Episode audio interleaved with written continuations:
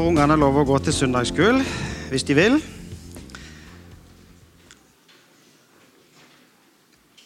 Og så blir det litt mer luft her oppe.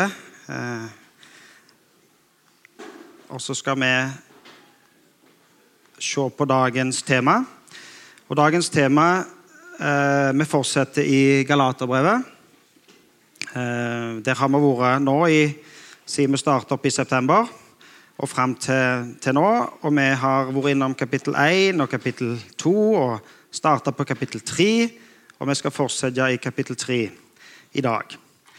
Det er jo sånn at det er litt spesielle tider og litt eh, Skal du si Det er noen hensyn vi må ta, noen smittevernhensyn eh, som vi må følge. Og så er det jo så at vi får ikke gjort alt akkurat sånn som vi hadde hatt lyst til å gjort det eh, pga. det. Eh, så Derfor så har vi funnet Nå er det så mye folk her i dag at det, var liksom akkurat det vi klarte. Eh, men vi har tenkt at eh, det blir utrolig vanskelig hvis vi skal eh, ha nattvær i lag i denne eh, settingen, så mange som er her nå. Derfor har vi tatt nattværmøtene og lagt dem separat, sånn at i kveld klokka halv åtte så er det nattverdmøte for de som, som ønsker det. Vanligvis har vi det i forbindelse med storsamlingene, men nå blir det altså lagt til kveldstid eh, i kveld. Og så blir det en søndag i november òg. Da blir det et enkelt nattverdmøte, eh, muligheten for å dele vitnesbyrd eh, og være sammen for å dele nattverd i lag. Da var det sagt, i alle fall. Hvis du har noe viktig på hjertet, hvis du har noe som er livsviktig, noe som er enormt viktig at du skal formidle. Hvordan snakker du da? Hvordan, oppfører du deg da? Vi skal gå inn i en tekst, eller to tekster faktisk i Galaterbrevet 3 i dag. Vi skal lese vers 13 og 14, og så skal vi lese vers 26 til 28. Vi har vært litt i Galaterbrevet, og her så, eh, så bruker Paulus et språk som gjør at vi forstår at dette må være viktig.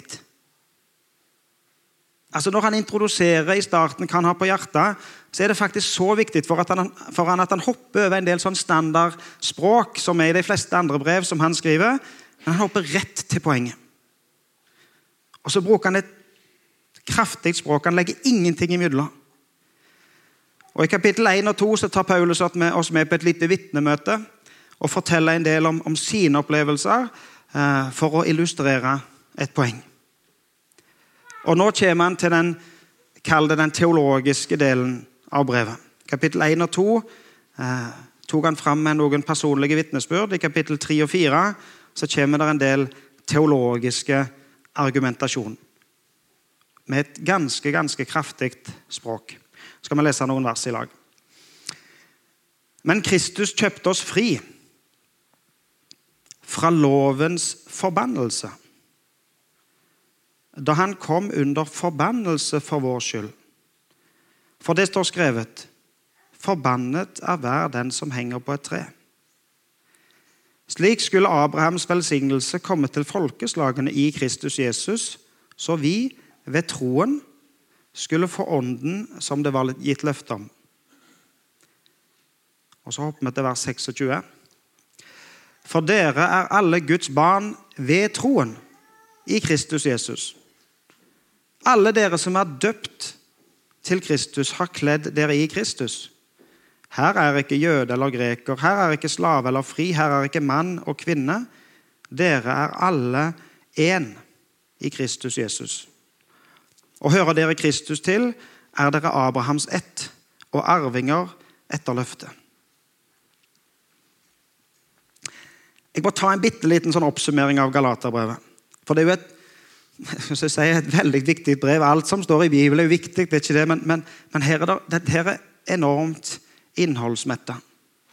Paulus han skriver til flere menigheter, og det var Paulus sjøl som først hadde kommet med budskapet til disse menighetene. Men etter at Paulus hadde vært der, så kom det noen andre som hadde liksom et litt mer avansert budskap. Paulus hadde starta, ja, det var jo greit nok, men nå måtte de liksom gå litt videre. De som kom etter Paulus, de måtte ta det litt videre. Paulus han hadde ett fokus. Han hadde sikkert mange fokus, men han hadde et hovedfokus. Og Hovedfokuset for Paulus å fokusere på for disse nye menighetene i Galatia, det var tru alene. Tru alene. Så kom det noen etterpå og sa de, ja, tru er jo greit, selvsagt. Men så er det en del retningslinjer som er greit å følge. Vi har vært Guds folk, sier de, i ganske lang tid. Så vi har litt erfaring, og vi vet hvordan dette skal være. Så nå skal vi fortelle dere litt om hvordan det er greit å oppføre seg, og, og hvilke retningslinjer som er greit å følge. På den tid er jo klart at Vi kjenner oss gjerne ikke så voldsomt igjen. For nå begynner Paulus å snakke om omskjærelse og, og, lover og regler, bud, eh, som ikke nødvendigvis er knytta til det som vi kjenner igjen i dag. Men hva gjelder for oss i dag? da? Hva slags bud og regler, altså hva slags krav legger vi på folk?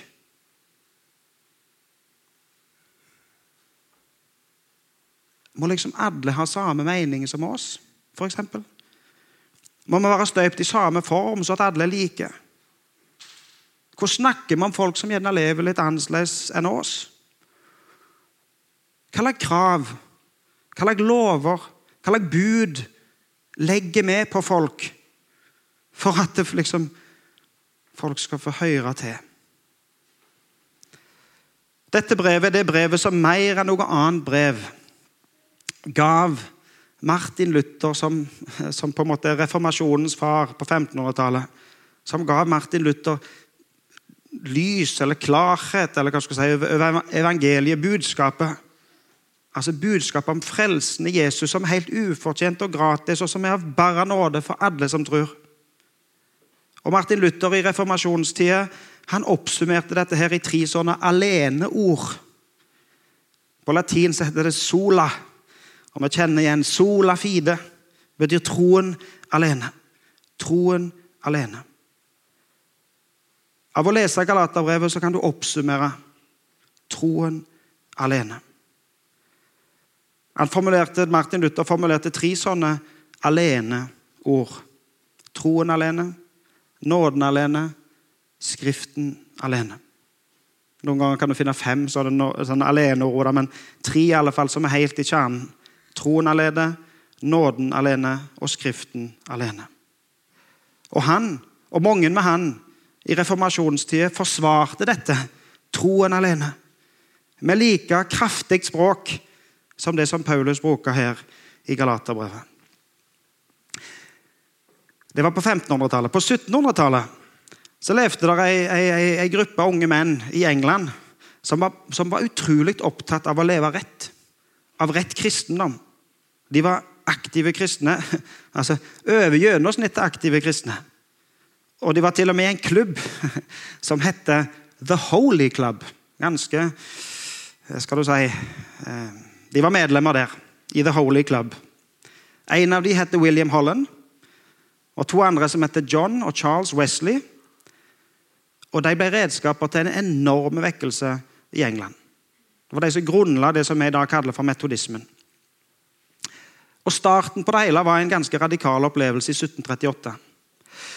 Disse unge mennene var samla, og Charles Wesley leste høyt.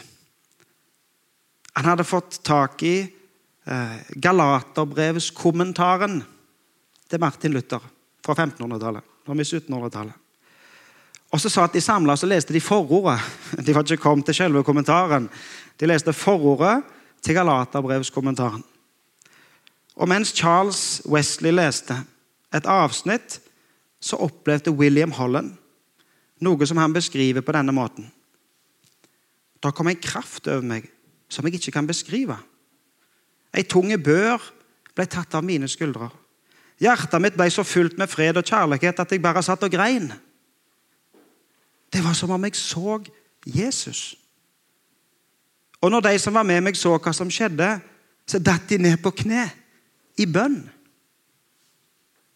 Og Det fortelles at William Holland etter denne opplevelsen, kveld etter kveld, oppsøkte, oppsøkte folk som han kjente, for å lese for dem akkurat det samme avsnittet som han hadde hørt den kvelden. For det var så stor opplevelse for han at han måtte dele det med alle som han kjente. Charles Wesley og de andre så at det skjedde noe med William Holland. Tre dager seinere holdt de fortsatt på med Galaterbrevskommentaren. Så forteller Charles Wesley at en lignende opplevelse skjedde med han.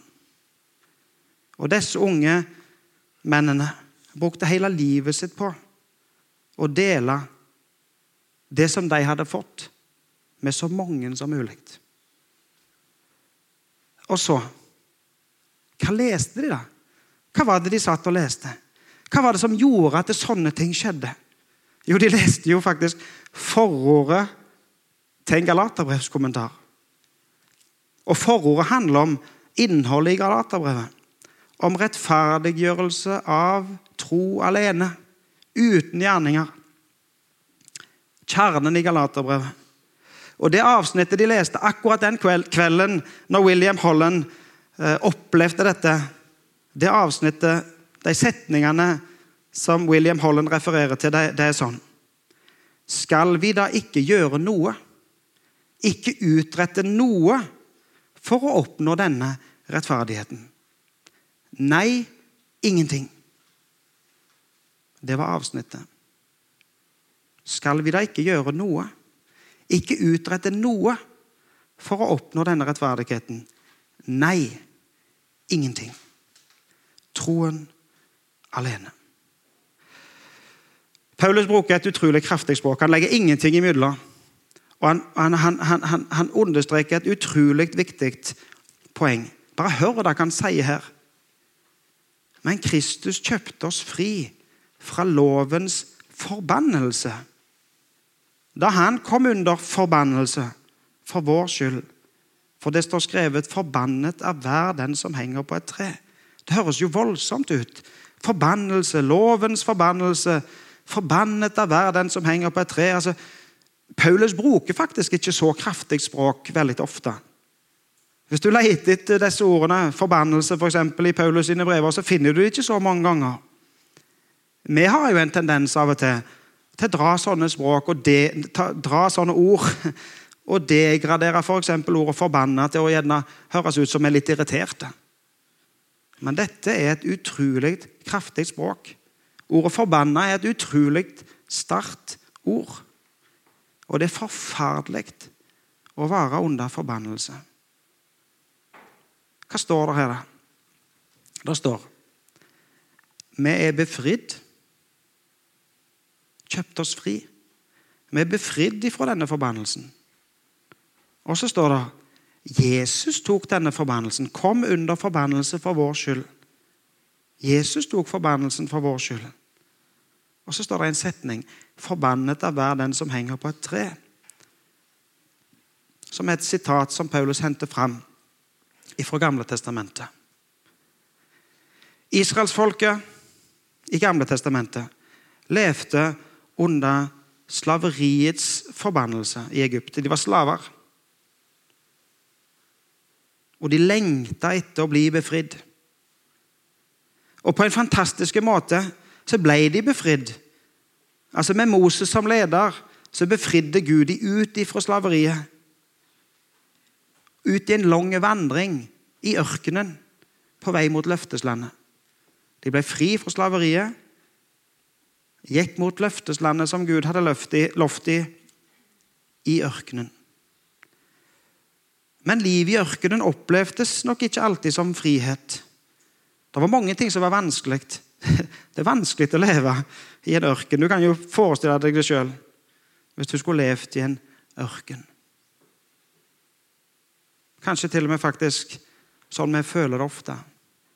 At vi lever i en ørken av mange ting som er vanskelig.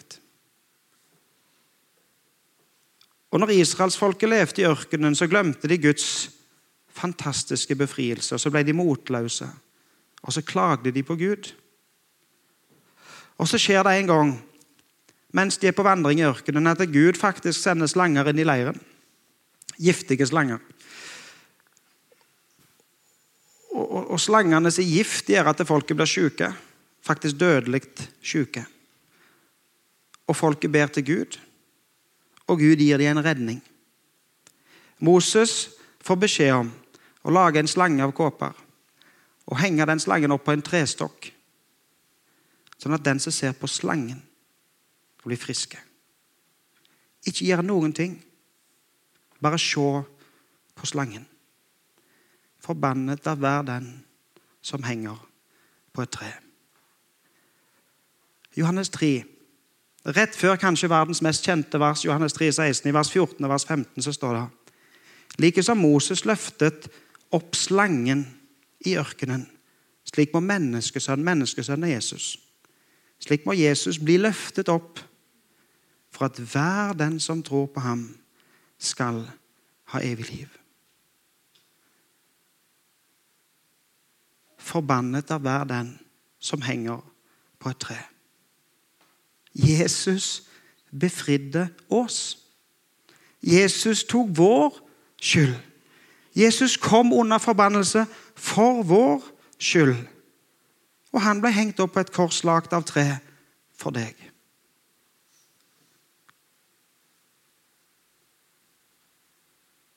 Paulus bruker disse sterke ordene for å forklare oss nettopp det. At vi går fri ifra forbannelsen. Og så gir han oss noe helt annet. Noe som står i enormt sterk kontrast til forbannelse. For han gir oss velsignelse. Slik skulle Abrahams velsignelse komme til folkeslagene i Kristus Jesus. Så vi ved troen skulle få ånden som det var gitt løfte om. Sånn at du skulle få ikke forbannelse, men velsignelse. Det står jo her i Johannes 3 for at hver den som tror på ham, skal ha evig liv. Ved tro. Troen alene. Og her står det at vi ved troen skal få ånden som det er gitt løfte om. I konfirmasjonsundervisningen så har vi så vidt starta på, på trosbekjennelsen. Eller så vidt startet. Vi har hatt 'Jeg tror på Gud Fader'. Det hadde vi eh, for to ganger siden. Og Forrige gang så hadde vi 'Jeg tror på Jesus Kristus'. Så vi har øvd oss litt på å si trosbekjennelsen i lag. Så er det 'Jeg tror på Gud Fader'. Jeg tror på Jesus Kristus. Og så kommer neste gang 'Jeg tror på Den hellige ånd'. Vi fikk lov å bekjenne i lag her litt tidligere i møtet at vi tror på Gud Fader, på Jesus Kristus, på Den hellige ånd. Og så sier ordet til oss her at vi ved troen får Den hellige ånd. Troen alene. Ved troen får vi Den hellige ånd.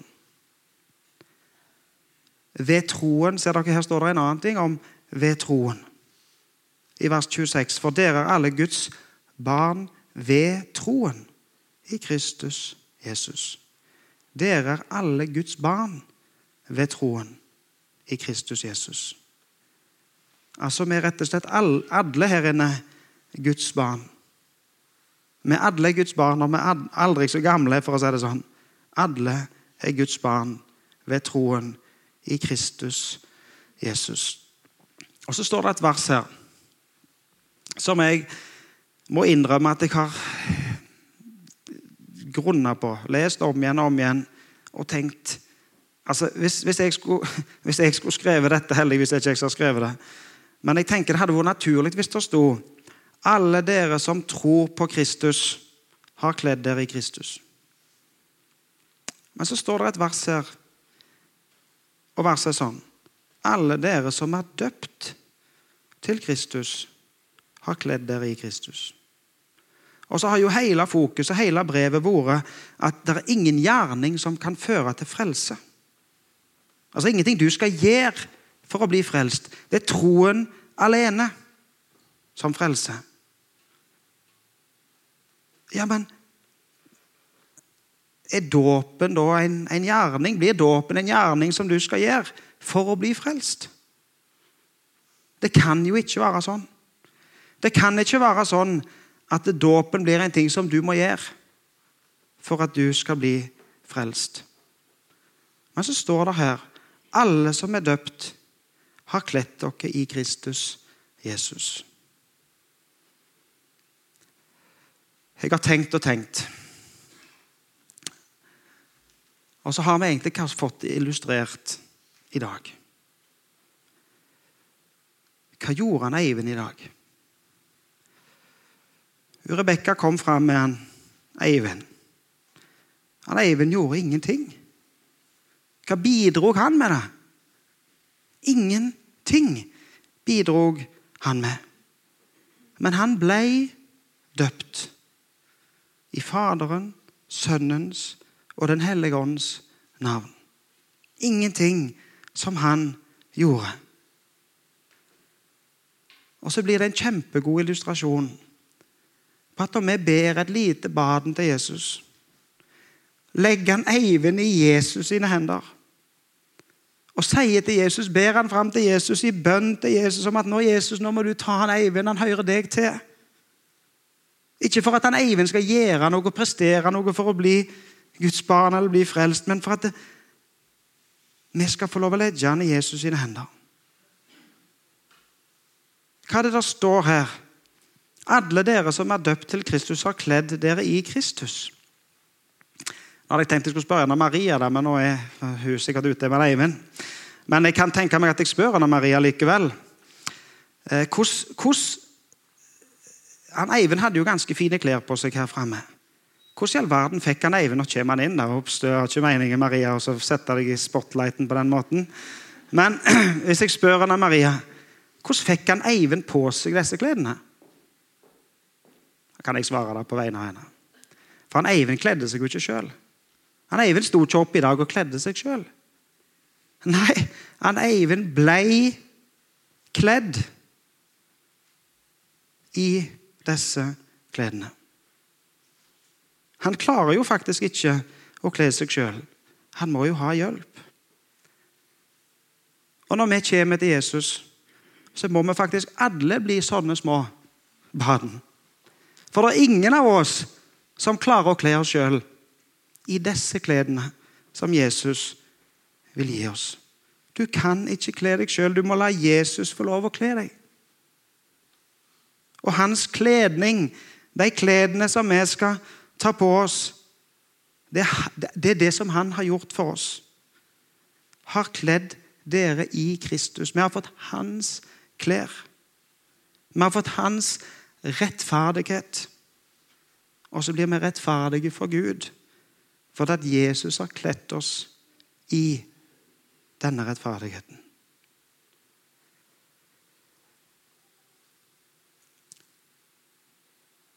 Og det er ingenting du skal bidra med sjøl. Ikke hør på alle som sier at du må være så. Du må oppføre deg på den måten. Du må først gjøre sånn. Ikke hør på noen som sier at ja, det er greit nok, det, men du må jo vite hvordan du skal. Og så legger vi krav og bud og lover og regler på hverandre. Legg til side alle tankene som du har sjøl om hvordan kristne bør være før vi kommer til Jesus. Du skal ikke gjøre noen ting. For det er ingen forskjell på folk. Det er ikke forskjell på jøde og greker. Det var sammenhengen da. Det er ikke slave eller fri. Det er ikke mann og kvinne, men det er én i Kristus Jesus. Alle er én i Kristus Jesus. Alle må komme til Jesus på like vilkår. Ingen kan kle seg sjøl. Alle må komme til Han og bli ikledd Kristi rettferdighet.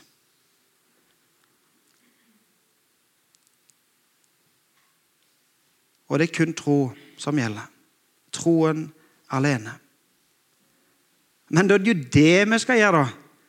Da er det jo tro vi skal gjøre, da. Der er det i alle fall en gjerning. Vi må, vi må tro.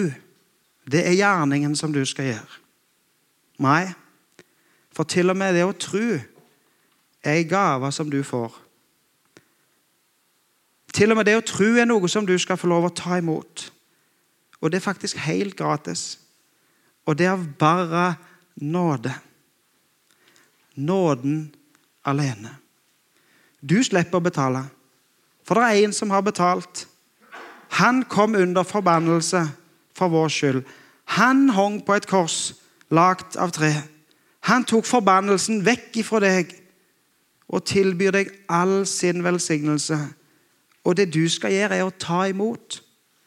Det du skal gjøre, det er å komme til Han. Det er å tro på Han. Og legge deg sjøl i Jesus sine hender og si 'Ja, Jesus'. Og så får han lov å flytte inn. Så får han lov å kle deg i sin rettferdighet. Og så får han gi deg alt som han vil gi deg, helt gratis, av bare nåde. Troen alene. Nåden alene.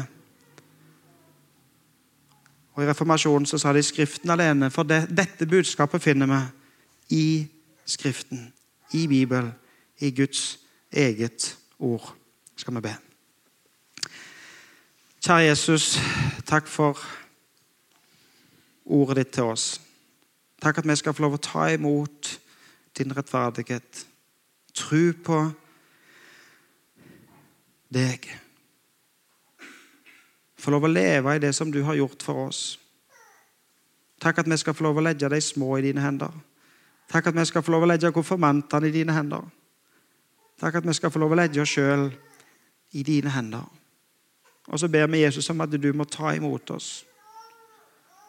At du må rense oss for alle de tankene om hva vi må gjøre, hvordan vi skal være gode nok, alle krav og bud. Men at vi skal få lov å tro på deg. Du som har gjort alt dette for oss. Hjelp oss, Jesus, å få lov å hvile og få høre til, få være der. At du kan få gi oss denne velsignelsen. Så ber jeg for eh, konfirmantene dette året, for Eivind som skal vokse opp her i forsamlingen, for ungene som er på søndagsskolen, for alle oss, for søndagen vår og for uka som ligger før oss. Alt som skal skje. I ditt navn. Amen.